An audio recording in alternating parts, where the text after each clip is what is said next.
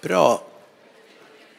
Nu har, det kommit, nu har vi kommit till, eh, till predikan, till ordets predikan. Och vi har en, en, en, en, titel, om jag låter så här det är för att jag har varit lite sjuk. Ni vet män, att när vi, man, man är förkyld, då är det riktigt illa. Och jag har varit sängliggande några dagar så, så om jag inte kramar folk idag och blir lite så här eller så här. Det är för att jag vill minnas om covid-tiderna. Nej, inte alls. Kära någon. Ja, men det känns bra och det känns skönt att kunna predika eh, idag. Det känns som en, en bra grej vi gör idag. Det här med att våra kronor kan förvandla liv, kan hjälpa någon eh, på andra sidan jorden. Det, det, är, det är en välsignelse. Eh, Bana väg för Herren har vi eh, satt rubriken på den här dagen, på den här predikan. Att bana väg för, för Herren. Och jag skulle vilja att vi går till Markus evangeliet. Markus evangeliet kapitel 1 och vi läser från vers 1 till 4. Och lägg märke till hur, hur evangeliet enligt Markus börjar. Det börjar med ett ord och det står så här, här. Här, här börjar evangeliet om Jesus Kristus, Guds son. Så står det skrivet hos profeten Jesaja. Se, jag sänder min budbärare framför dig och han ska bereda väg för dig. En röst ropar i öknen, bana väg för Herren, gör stigarna raka för honom. Johannes döparen trädde fram i öknen och förkunnade omvändelsens dop till syndernas förlåtelse. Enligt Markus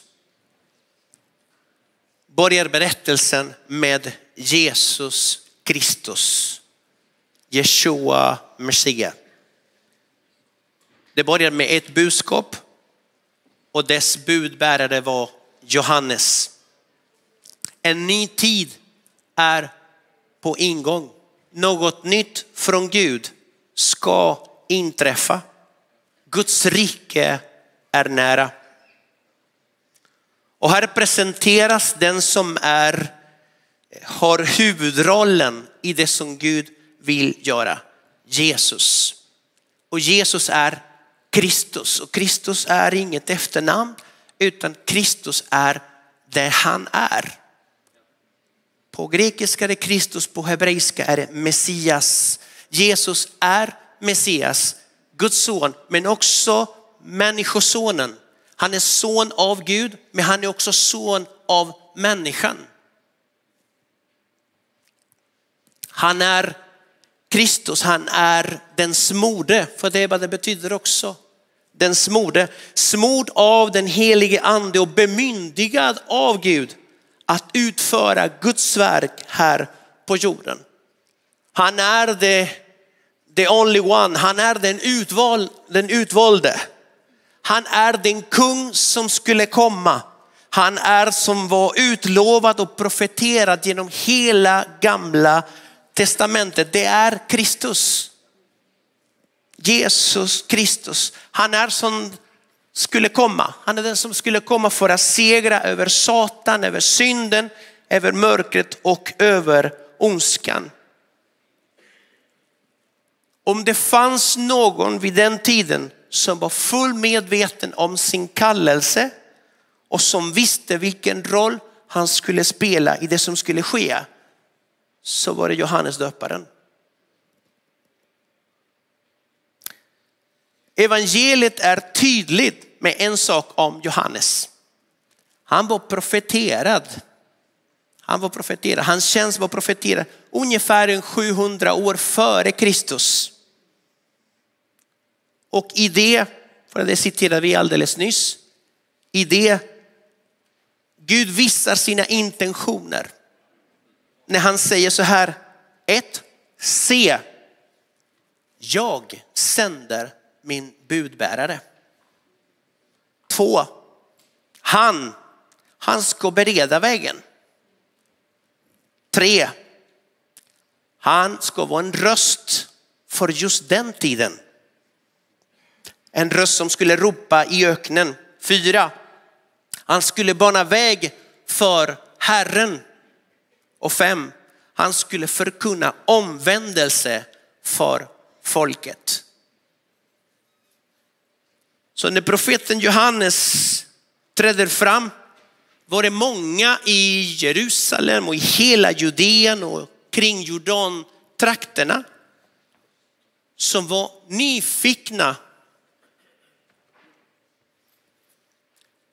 som var nyfikna och mycket intresserade av hans tjänst och vilket budskap han hade att förmedla. Folket undrade vem han var. Och i Matteus kapitel 3 det står så här, Jerusalem och hela Judeen och hela landet kring Jordan kom ut till honom och de bekände sina synder och döptes av honom i floden Jordan. Johannes visste vem han var. Men kanske viktigare var att han visste vem han inte var. Han var inte den som hade alla svar. Han var inte den som kunde lösa allas problem. Han var ingen befriare och han var ingen frälsare. Så när folk frågade, liksom, men är du, är du Elia? Nej, var hans svar. Är du profeten? Nej, det är jag inte. Är du Messias? Nej, det är jag inte. Men, men i all sin dag, vem är du? Och han svarade i Johannes 1 och 23 så här. Han svarade med profeten Jesajas ord. Jag är en röst. Jag är rösten som ropar i öknen. Gör vägen rak för Herren. Han hade en tydlig identitet. Han visste vem han var. Han var en röst. En röst som var kallad att ropa. Han var en förelöpare, han var en herold, han var en som gick före Messias Kristus. Han var en profet som hade fångat tiden, som visste vad som skulle hända. Men han var också en evangelist som proklamerade Kristus för folket. Och jag tror att varje gång Gud vill göra något nytt, han behöver en profetisk röst som banar väg för Herren. Det behövs en, ett profetisk, en profetisk röst men det behövs också ett profetiskt folk som välkomnar Herren och som välkomnar det som Gud vill göra. Det måste alltid finnas någon som ropar, någon som säger Hosianna, Hosianna, välkommen är han som kommer i Herrens namn. För att det var så han välkomnades i Jerusalem sista gången han besökte den staden. Tänk på det faktum att, att Gud hade varit tyst och inte talat till sitt folk på mer än 400 år. 400 år av tystnad. Himlen har varit tyst i 400 år. Sista profeten, det var Malaki. Och hans sista ord, sista kapitlet, Malaki kapitel 4, det talas om, om Messias. Messias ska komma. Herrens dag kommer. Stor och fruktansvärd. Eller stor av värd Guds fruktan. Då pekar man han på Messias, men de två sista verserna pekar han på budbäraren. Och då står så här i Malaki 4, 5 och 6, så här, se jag ska sända till er profeten Elia innan Herrens dag kommer. Det kommer en budbärare också. Jag ska sända min budbärare. Så bland ett folk som har vänt ryggen till sin Gud och vant sig att inte lyssna, att inte höra Guds röst, finns det nu en röst som säger att det kommer en ny tid. Plötsligt bryts tystnaden från himlen när Johannes trädde fram. Han blev en röst som talade om ett ljus mitt i det rådande mörker. Johannes skulle bli den sista profeten i gamla testamentet innan ett nytt förbund med Gud skulle skrivas. De som hungrade efter Gud vid den tiden, de brukade gå till templet i Jerusalem. Men någonting skiftar nu i den andliga atmosfären. För att istället för att gå till templet, istället för att gå till Jerusalem, då går man till Jordanfloden för att höra budskapet från Johannes. De tusentals människor från hela Jerusalem och Judeen och kring Jordantrakterna, de hörde hans budskap. Och de fick syndanöd i sina hjärtan och de ville inget annat än att vända om och låta sig döpas. Tusentals människor och vi skulle säga, du skulle säga wow, väckelsen är här.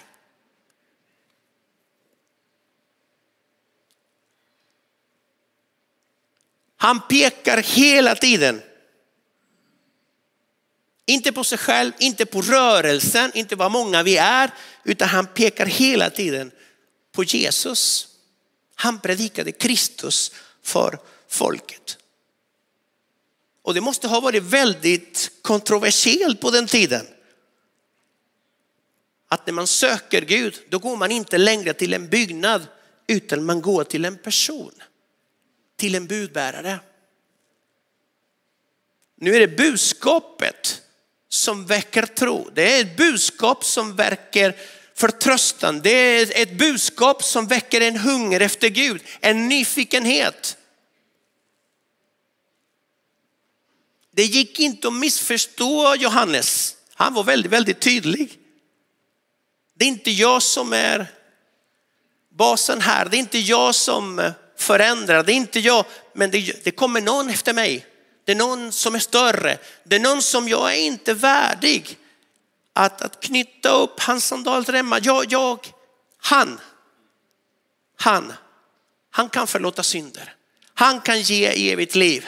Han kan fylla er med den helige ande. Han, han kan. Jesus och bara Jesus. Hans rike, hans framträdande är nära. Och när Jesus kommer till Jordanfloden för att bli döpt, han identifierar honom på en gång och säger se Guds lam. Där är Guds lam. Han som tar bort all världens synd. Vi befinner oss mina vänner, jag vet inte om du uppfattar det. Men vi befinner oss i en tid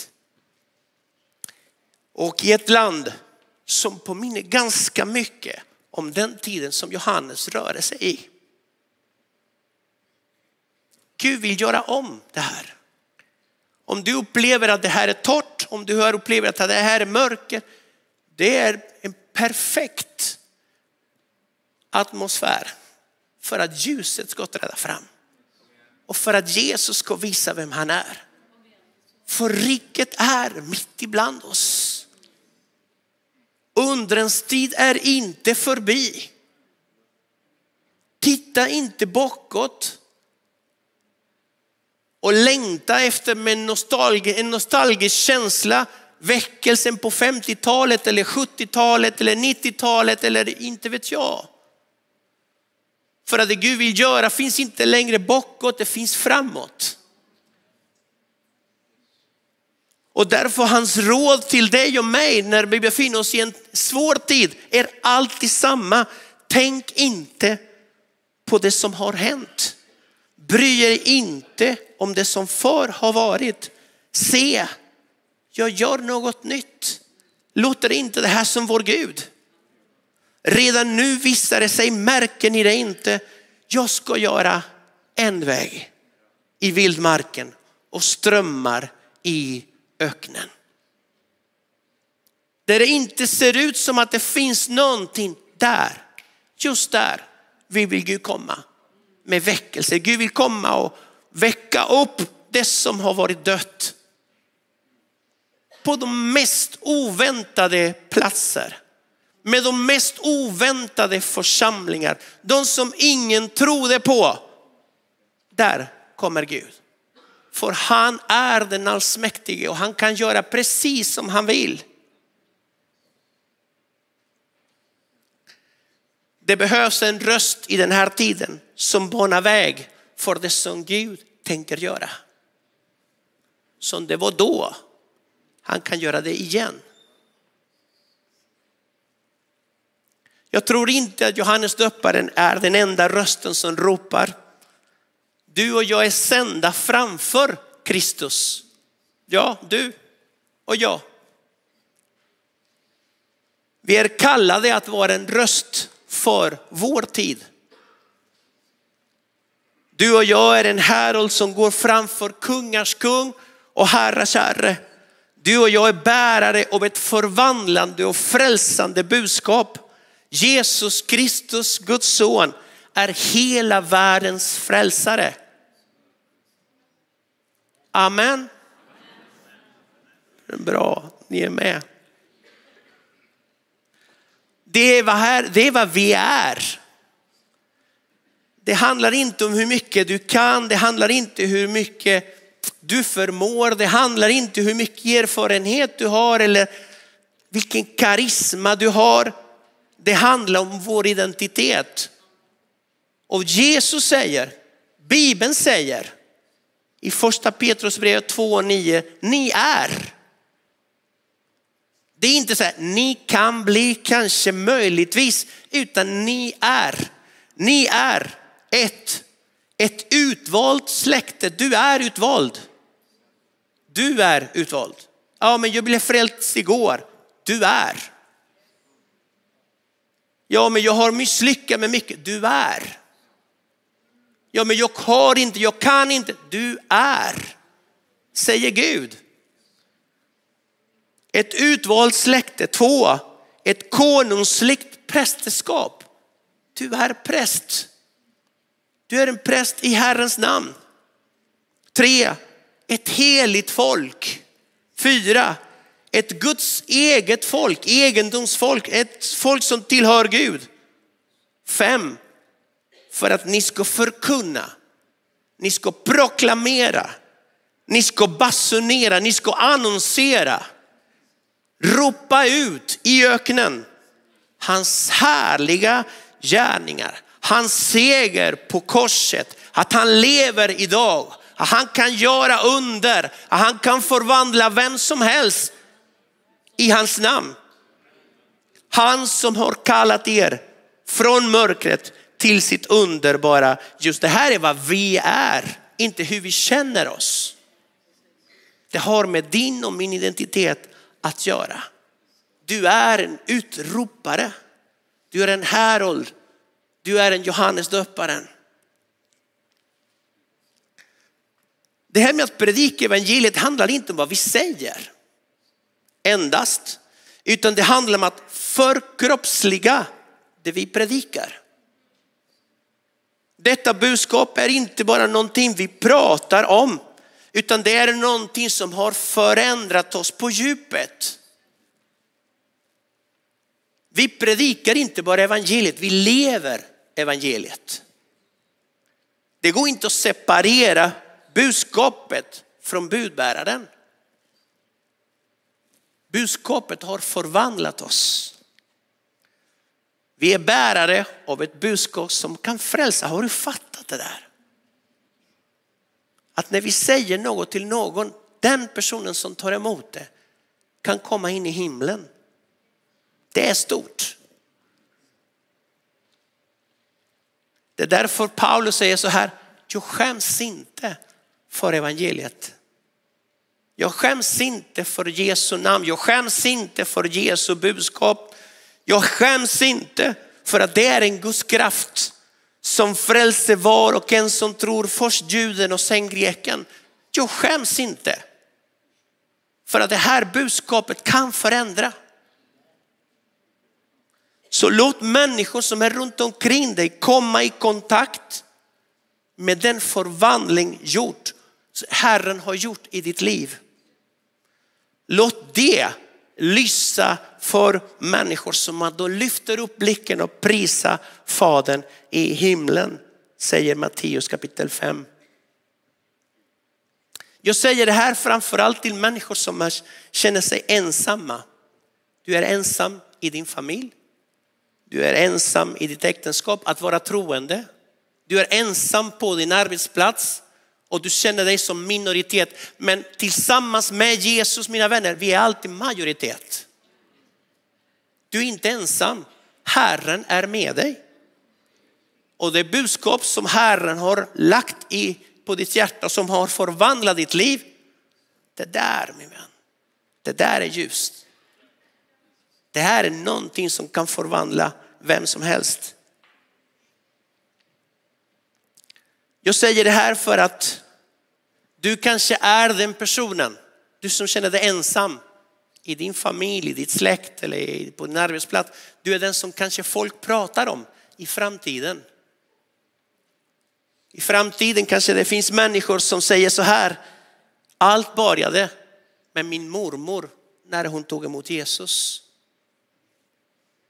Allt började med en kollega på jobbet eller en klasskamrat i skolan.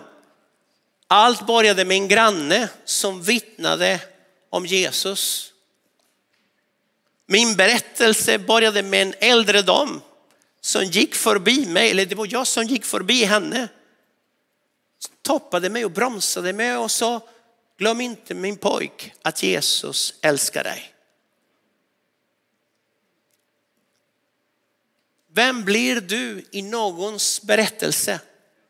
Det får framtiden vissa.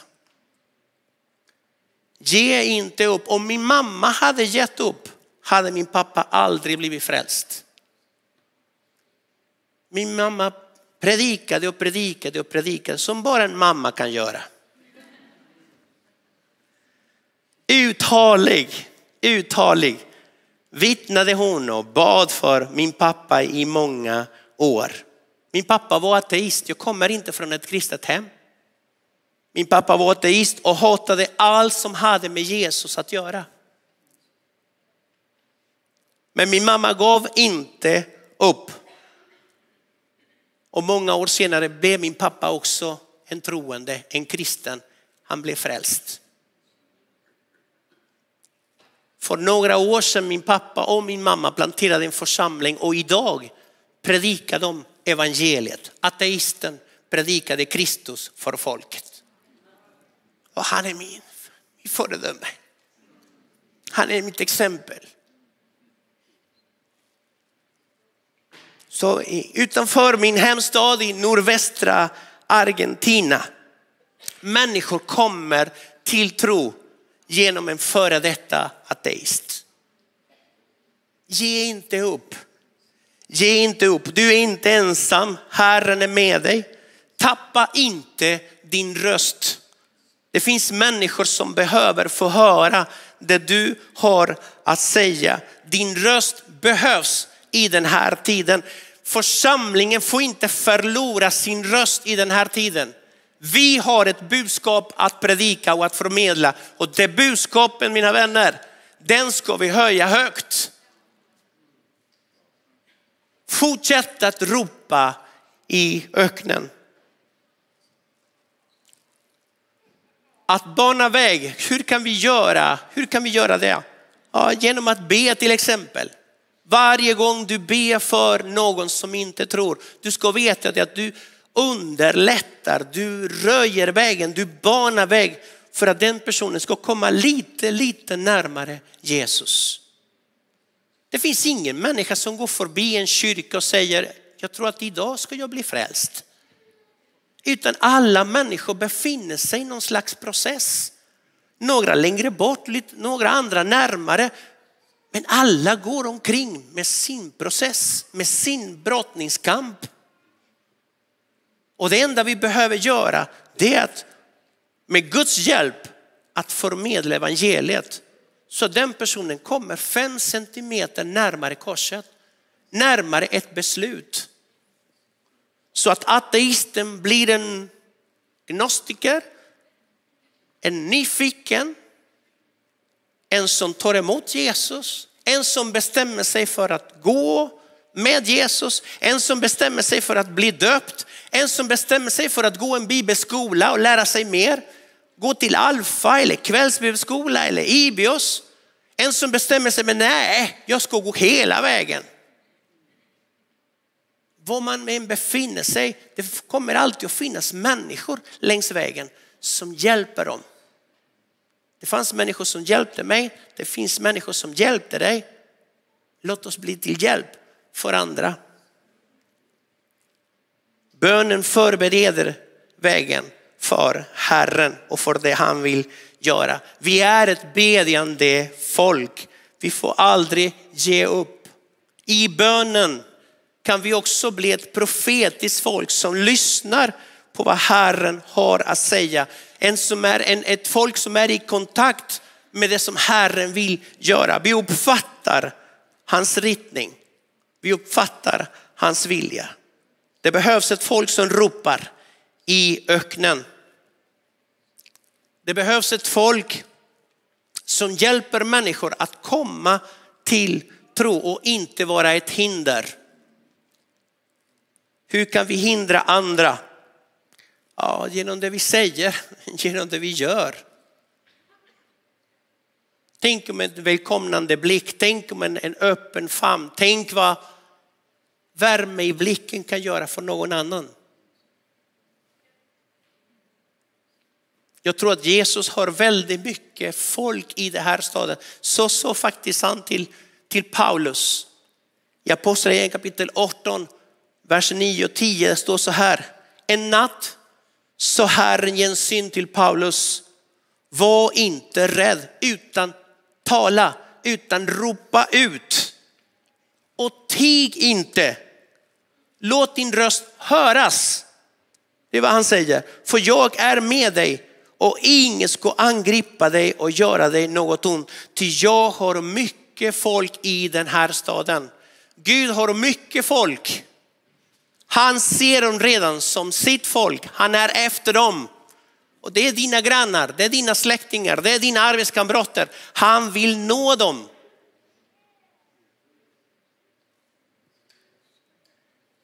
Låt oss bana väg för dem, för andra. Bana väg för människor som kommer från andra länder. Hjälpa människor och välkomna människor i gemenskap. Människor som kommer från ett annat land, kanske från Argentina. För att detta evangelium om riket ska predikas, ska ropas ut i hela världen till ett vittnesbörd för alla folk. Och här kan vi se saker och ting på två helt olika sätt. Vi kan se till exempel invandringen som ett hot eller som en möjlighet. Där vi kan predika evangeliet för människor. Där evangeliet kommer inte in, inte ens i deras länder. Men nu är de våra grannar. Du och jag kan bli missionär precis, precis där du bor att bana väg för någon annan. Och då tänkte jag många gånger till exempel att när politiker i vårt land vill se hur integration fungerar, det de borde göra är att gå till våra kyrkor för att där borde det fungera.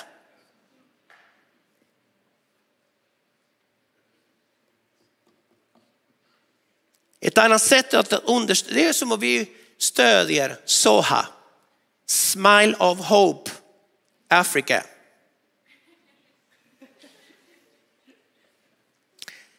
Eller att stödja andra projekt eller på vilket sätt kan vi hjälpa andra människor? Låt oss bana väg för andra nationer.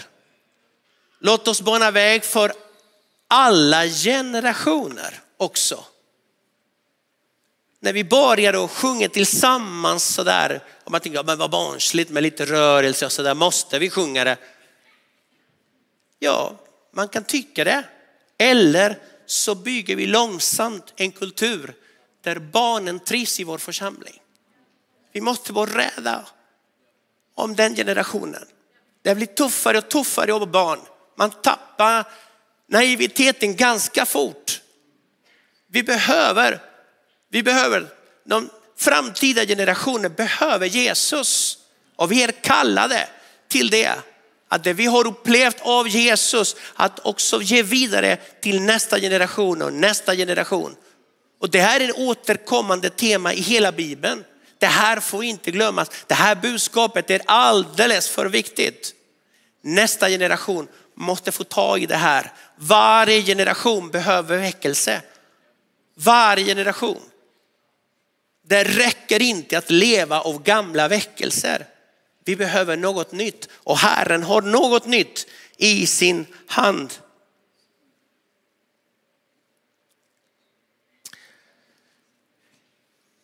En sista bibeltext innan vi uh, går vidare. Det finns i första Moseboken kapitel 17 och vers 7. Där Gud säger så här, och jag ska upprätta mitt förbund mellan, dig, mellan mig och dig och dina efterkommande. Det här är fantastiskt löfte till, till, till dig om dina barn och de som kommer efter dig. Det är som en förbund mellan mig och dig och dina efterkommande från släkte till släkte, ett evigt förbund. Jag ska vara din Gud och dina efterkommandes Gud. Han vill vara Abrahams och Isaks och Jakobs Gud. Precis som vi såg, eh, eh vad heter de här, eh, Erlandsson, de här två pojkarna. Liksom. Jag tänkte, ja, den generationen och sen nästa generation och sen nästa generation. Att se att människor möter Gud, barn som tonåringar, unga vuxna och eh, familjer och eh, unga vuxna och tunga vuxna liksom, och, och, äldre människor eller alla generationer. Att bana väg för generationerna. Låt oss bygga en församling för alla åldrar, för alla kulturer, för, för alla nationer. En, en salig blandning där den helige ande får röra sig fritt. Att bana väg för himlen här på jorden. Att bana väg för Herren fantastisk kallelse som du och jag har.